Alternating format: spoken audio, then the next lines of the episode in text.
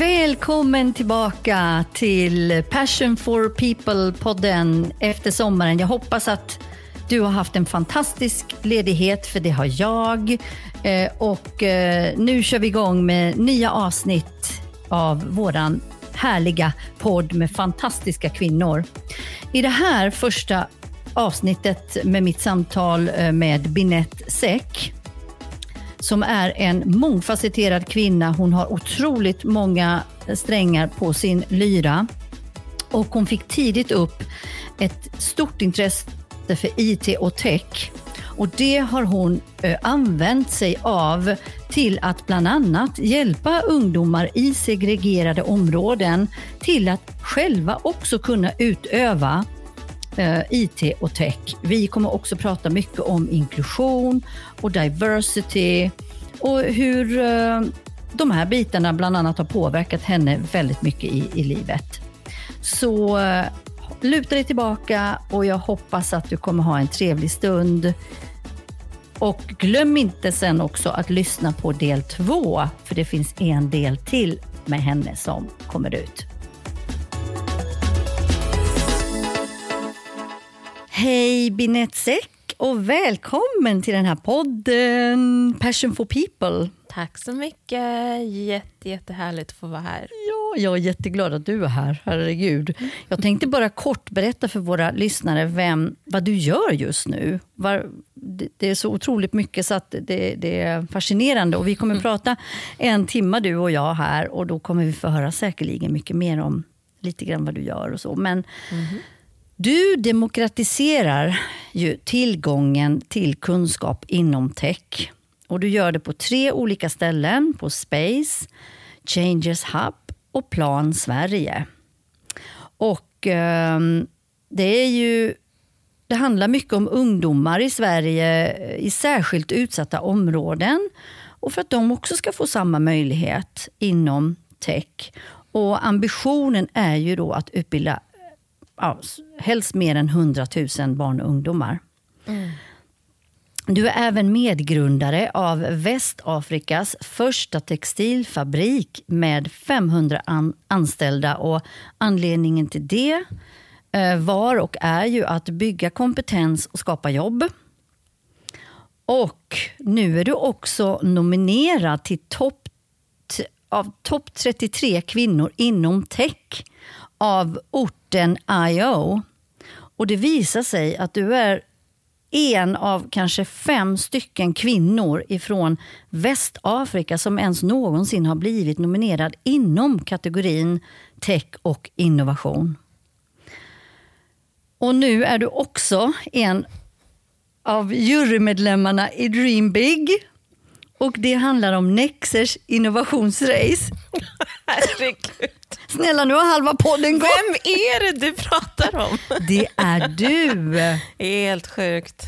Ja, vad coolt. Ja, det är, ja vadå, du, vad tror du jag tycker är coolt? Hur kunde det bli? Ja. Hur kunde det bli? Hur men, det så? men alltså, det här kommer vi det här kommer vi toucha på, självklart, alla de här bitarna. Men jag och vi är ju så nyfikna Eh, vem du är. Vad får dig, vad har fått dig om vi går tillbaka, att ens liksom göra alla de här sakerna och vurma så för barn och ungdomar. För det finns ju en, en liten röd tråd vad jag förstår i det hela. Men om vi tittar tillbaka, vad, du, berätta lite kort om din bakgrund. Mm -hmm. Jag är född i Sverige men jag är delvis uppvuxen i Senegal och även i Paris. Och anledningen är att mina föräldrar som är från Senegal, eh, pappa kom till Sverige tio år innan jag var född och han kom hit och landade något så praktikjobb på Alfa Laval.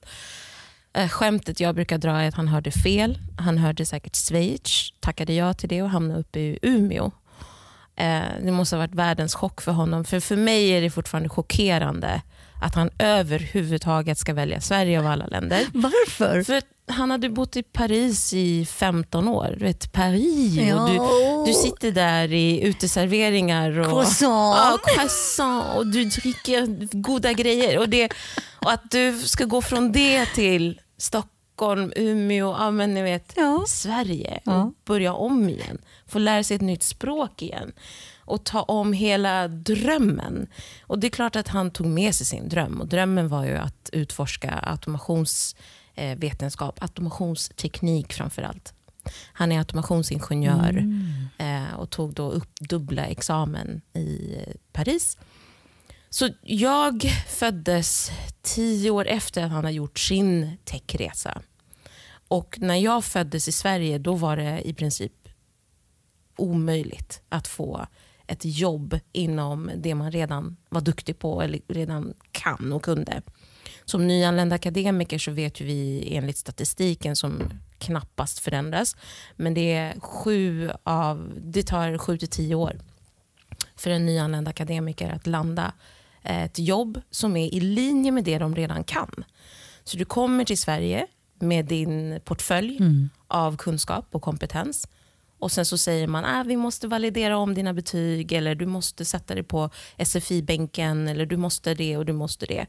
Och Kommer du hit då med en tech-bakgrund då har du väldigt kort eller ont om tid för att eh, få ett bra jobb och realisera dina drömmar och verkligen jobba med det du kan. För att tekniken går så fort. Det går så otroligt fort. Att eh, Har du liksom systemvetenskap, eh, bakgrund eller datateknik eller automationsteknik, robotteknik. Alla de bitarna, som, till och med medicinteknik. Är du inte med, då är du utanför. Så för mig att jobba med inkludering är en självklarhet. Det är något jag har sett i min vardag. Det är det vattnet jag har druckit liksom varje dag. Ehm, jag har hört så många stories när mina föräldrar kommit hem och varit frustrerade över att mamma är till exempel civilekonom och att hon har fått eh, jobbat som städare. Um, jag blir rörd av någon konstig... Ja, men, jo, det får man bli. Förlåt. Får jag och det är flik- inget fel Nej, med det. men du berättade faktiskt att hon var den enda svarta personen på, din, på skolan där hon städade. Och, men hon var städare. Ah, det finns två stories. Eller var det, det, var det inte det? Ja, det finns två stories. Min mamma, när, när, eh, när hon kom till Sverige, då måste man också bara bear in mind att eh, min mormor är analfabet. Och mamma är äldst av tolv syskon. Ehm, och har liksom aldrig riktigt lämnat Senegal, aldrig haft en anledning riktigt. För Senegal är en av de få länder i Afrika där det aldrig har uppstått något krig eller något liknande. Även fast vi i Sverige har fått lära oss att eh, det inte fanns ett Afrika innan slaveriet. Det fanns ett Afrika innan slaveriet, trust me. Som de har inte haft anledning att lämna. Eh, Det varit otroligt präglade människor av den här friden som fanns och liksom ga- ganska låg korruption med tanke på att det inte riktigt funnits krig tidigare. Och när hon då blev den första i hennes släkt att få en universitetsexamen, det blev ju världens största grej. Liksom. Och att hon samtidigt eh, landade sitt drömjobb på en bank innan hon hade fyllt 23. Och Det var precis vid den tiden då hon hade gift sig med min pappa. Då. Så kommer hon till Sverige, och hon är fortfarande ung, hon har inte fyllt 30 än. Ehm, och har två små barn som eh, måste lära sig svenska och liksom gå den vanliga skolvägen, skolgången och allt det där. Hon kommer ju till Sverige med en eh, vilja att fortsätta lära sig. För att hon har en akademisk bakgrund. Hon kommer till Sverige för att hon vill fortsätta på det spåret hon hade påbörjat sen innan. Hon vill ju fortsätta jobba som ekonom helst eller jobba liksom med siffror. För hon råkar vara lite av ett mattegeni. Hon hoppade ju över en massa klasser och så för att hon är så duktig på matte. Och Hon har också varit den här kvinnan som jag kunde se i våra historieböcker hur afrikanska kvinnor såg ut. Det var eh, oftast en, eh, någonting på huvudet. Ja. De bar alltid på någonting på huvudet. Eh, och, eh, Färgglada kläder. Färgglada kläder, alltid leende på Ja. läpparna. Bla bla. Men jag förstod vad det innebar att vara min mamma. Att ha burit saker på huvudet. Inte för att hon eh, vill och tycker att det är kul att gå på marknaden utan för att de behövde. Det, saknas, det saknades vatten, rinnande vatten när hon växte upp. Så hon behövde vakna upp tidiga morgnar innan klockan fyra och gå hur många mil som helst för att hämta vatten så att hela familjen kunde duscha, äta, laga mat, allt, allt det där. Så ehm, hon är en kvinna som inte hade haft det väldigt, väldigt lätt då när hon växte upp. Så hon var villig att offra några år eh, på SFI och hon var villig att offra några år med att jobba som städare, städerska heter det ju, och jobb som var långt ifrån det hon kom till Sverige för. Ja, det hon var utbildad för också. Och liksom, eller hur? Ja. Och eh, när hon var runt 45 års åldern så minns jag att hon, eh, hon, kun, hon, hon stångade sig blodig. Både mamma och pappa kunde inte riktigt komma in på jobb som de visste att de hade kunnat fått om de hade stannat kvar i Frankrike eller om de hade stannat kvar i Tyskland eller något annat land i Europa. Eh, men Sverige var det bästa landet för deras barn, tyckte de. Och då eh, så minns jag att mamma vid 45 års åldern omskolade sig och blev sjuksköterska.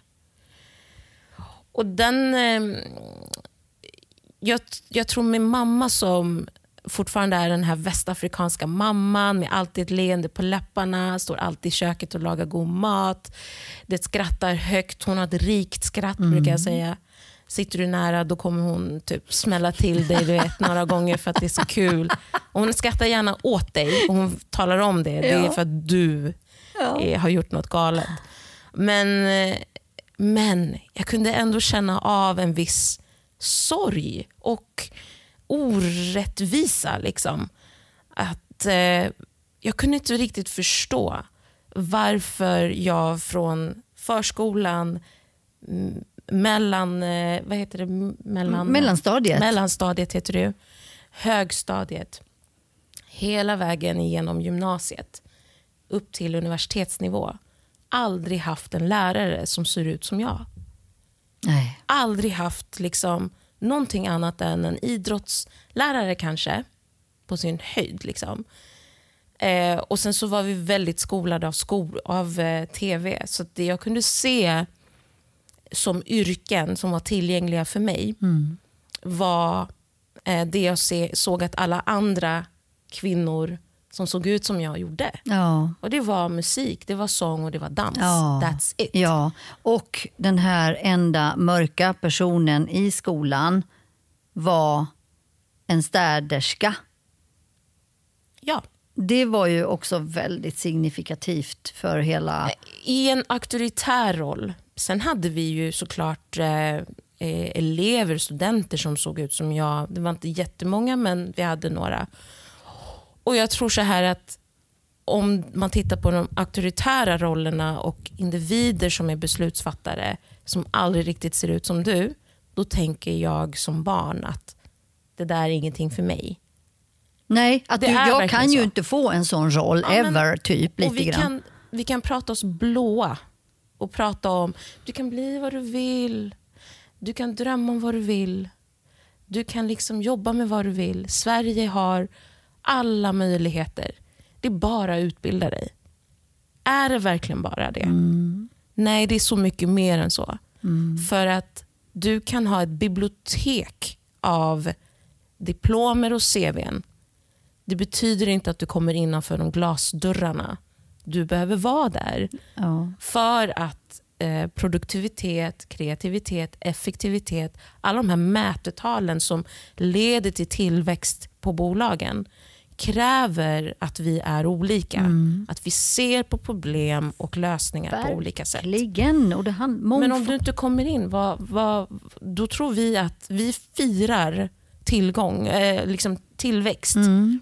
Och jag tänker alltid, ah, det hade kunnat bli mer.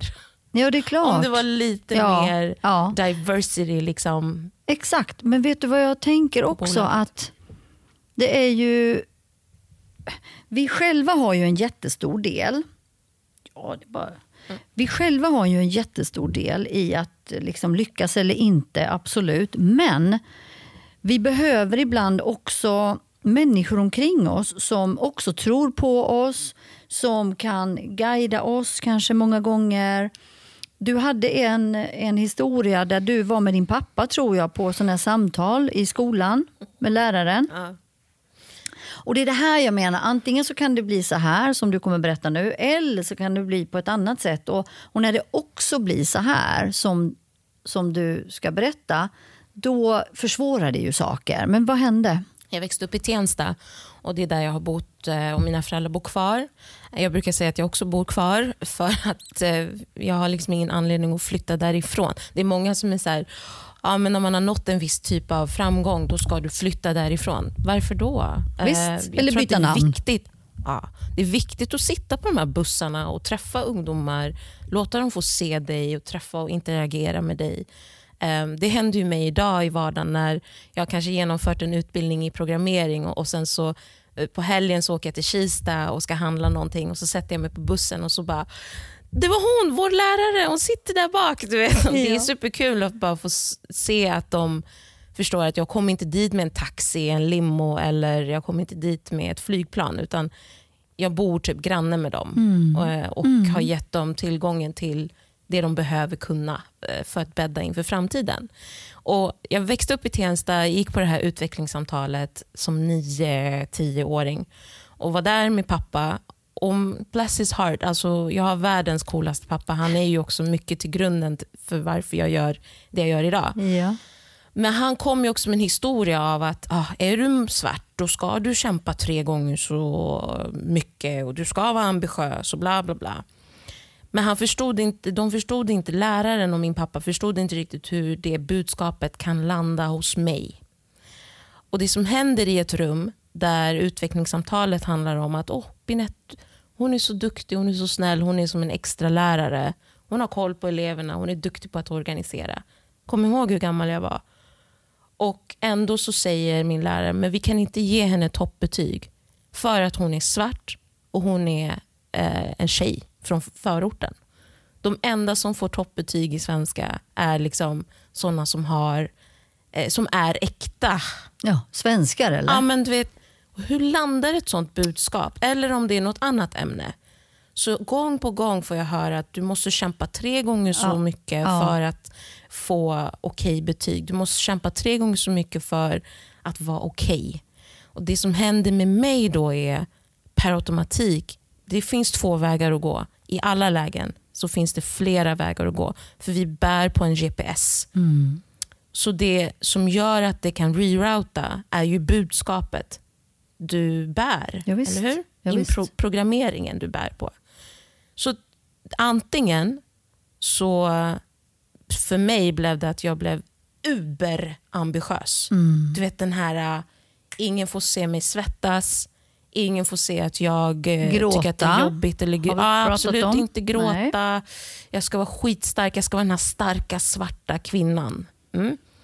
Men vad gör det då Det med som en? Gör med en är att du hinner göra mycket men du hinner också inte riktigt eh, bearbeta eh, din resa. Och det, det, det är en jätte, jätteviktig grej. Många av dem jag växte upp med gick ju en annan väg. Och de kände att om ingen tror på mig, varför ska jag tro på mig själv? Mm. Men det var ju också en annan, om det var samma lärare eller om det var en annan lärare som sa någonting det här med Ah, att... nej, det var en annan. Ja, det kan du också berätta. Ja, men bara det att det hände flera gånger så det var ju ingen tillfällighet. Nej, och då när det inte är tillfälligheter, då som ung så tänkte jag att den gemensamma, den gemensamma nämnaren är jag. Det måste vara något fel på mig. Ja. Det är inte, jag är inte tillräcklig eh, som jag är. Jag måste vara ännu duktigare, jag måste vara annorlunda. Eh, jag kan inte tvätta mig vit. Nej. Ehm, det finns produkter, definitivt, så whitenings and stuff som många går och gör. Ehm, jag kan förändra mitt hår, men jag kan inte förändra mig Nej. eh, på den nivån. Och du ska inte göra det heller till att börja Nej, med. och det är det här som är att budskapet, eh, studievägledaren, um, hon... Oh, Gud. Så jag tänker på... Jag ska berätta storyn, men jag tänker på alla ungdomar, barn liksom, som växer upp, som har hela världen framför sig och som interagerar med vuxna människor som inte ser de här ungdom, ungdomarna som människor. Det är det det handlar om. Det är inte rasism. Vi pratar om medmänsklighet. Att du inte ser att det här barnet mm. är och skulle kunna vara ditt barn. Det är klart. För att om ditt barn kommer hem och berättar att min studievägledare såg mig rakt i ögonen och Jag berättade om min dröm om att bli läkare och hon säger till mig, det är ingenting för sådana som du. Skulle det hända ditt barn, vad skulle du göra då? Ja. Och att du själv sitter där då som studievägledare, lärare eller whatever. Du har en auktoritär roll, du är beslutsfattare. Ja. Och man litar på dig också som man barn och ungdom. Det gör, du är studievägledare, jag kommer till dig för att få råd. Jag litar på dig och du säger till mig att det, att bli läkare är ingenting för såna som du. Till och med såna som du. Det är för mig... Nej men det är, jag kan inte ens beskriva. Och både du och jag, vi får ju både tårar nu, vi fick tårar när du berättade det för mig första gången.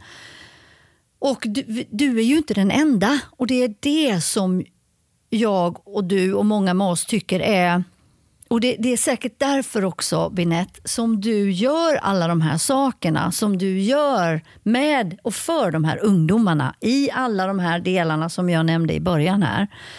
Du vill ju inte att andra ska behöva men å andra sidan så finns det lite baksidor och det är var är Binette i det här? Det har vi också nämnt. att Man får inte glömma bort sig själv samtidigt. Och vad är glädjen? Vad är din liksom glädje? Innerst inne, jag vet att du får ju glädje av att se alla de här ungdomarna som du och ni lyckas att hjälpa för att kunna, de kan ta sig vidare inom, inom tech eller vad de nu liksom väljer. Men, men det är också viktigt att man får den här inre glädjen själv, för sig själv, med sig själv. Och det kanske du inte är superbra på. vet du att eh, jag, tänker, jag har tänkt väldigt mycket på så här, den röda tråden. Jag pratar mycket om att demokratisera tillgången till kunskap inom tech.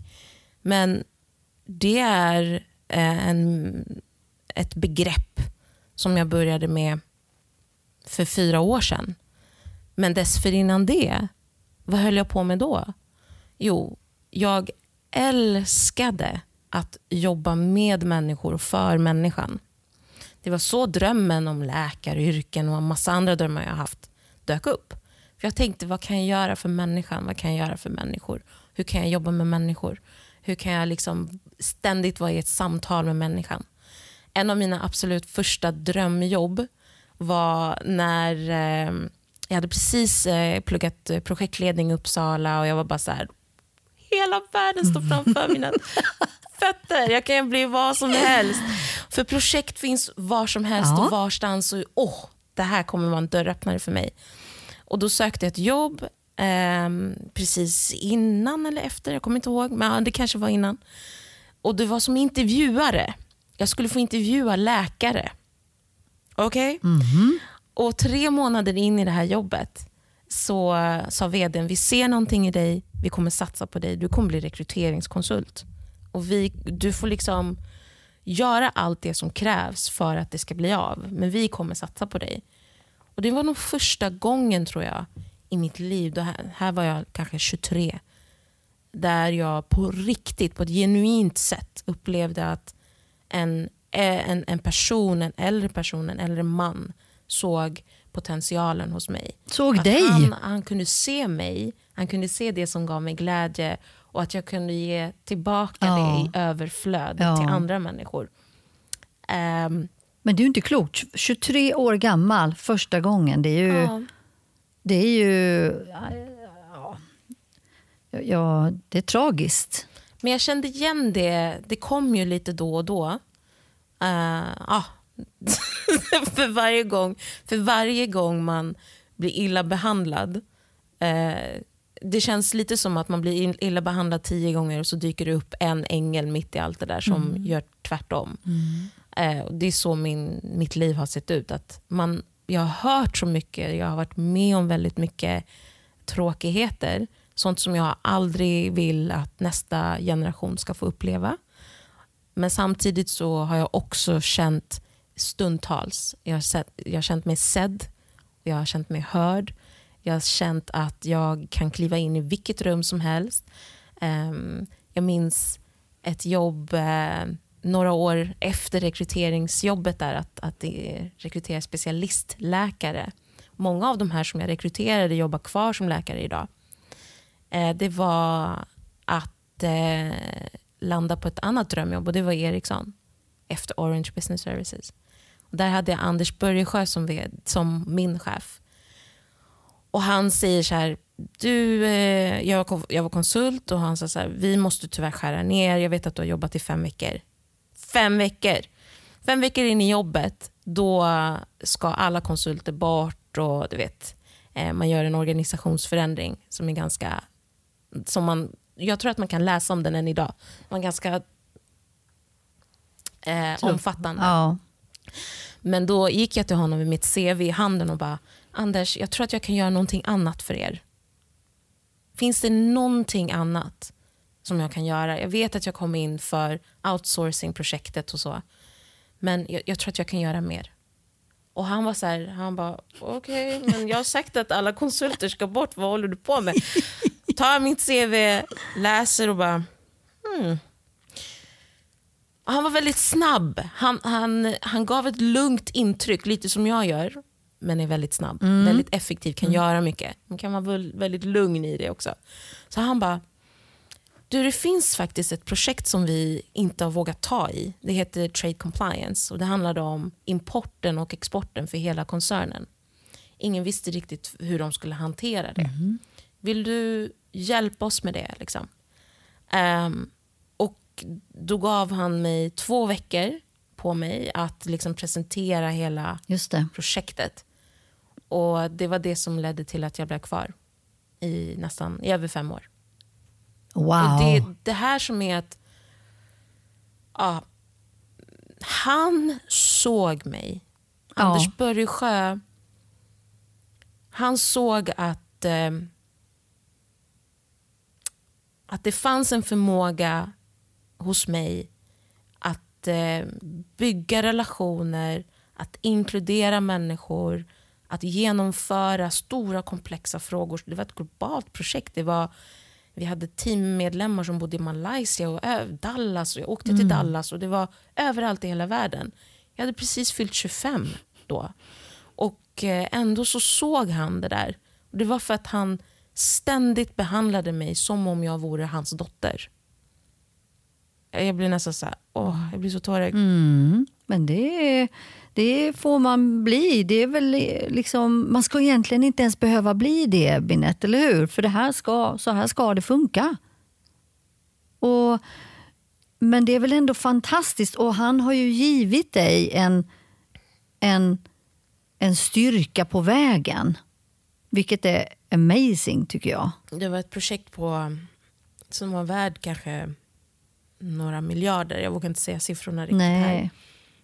Det var ett miljardprojekt, det var inte miljoner, det var inte så, utan det var verkligen ett miljardprojekt ja. i euro. Och han såg att, du vet, att du är en tjej från Tensta betyder ingenting här. Nej. Det som betyder något ja. är den du är. Mm. Och den kompetens du besitter. Vem är du mm. när du inte är tjejen från Tensta?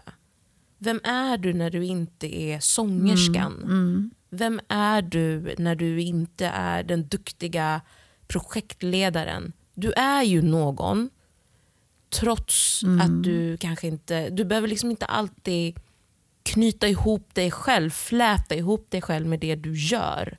Utan du är någonting mm. också. Det är klart. Och det var det, han, det fröet som han sådde hos mig mm. vid den åldern. Att jag eh, som person är eh, behövd och jag är tillräcklig um, och kan göra fantastiska saker så länge jag är villig att fortsätta lära mig Ja. och har den här uh, prestigelösheten. Att när det handlar om projekt, här, i, den här, i det här sammanhanget har vi ingen som kan just det här. Du kanske är specialist inom ditt område, du kanske kommer in med dina erfarenheter. Men just här och nu så är vi alla okej. Ingen är bättre eller sämre än någon annan. Precis. Att bara ta med sig det resten av sitt liv i allt man gör.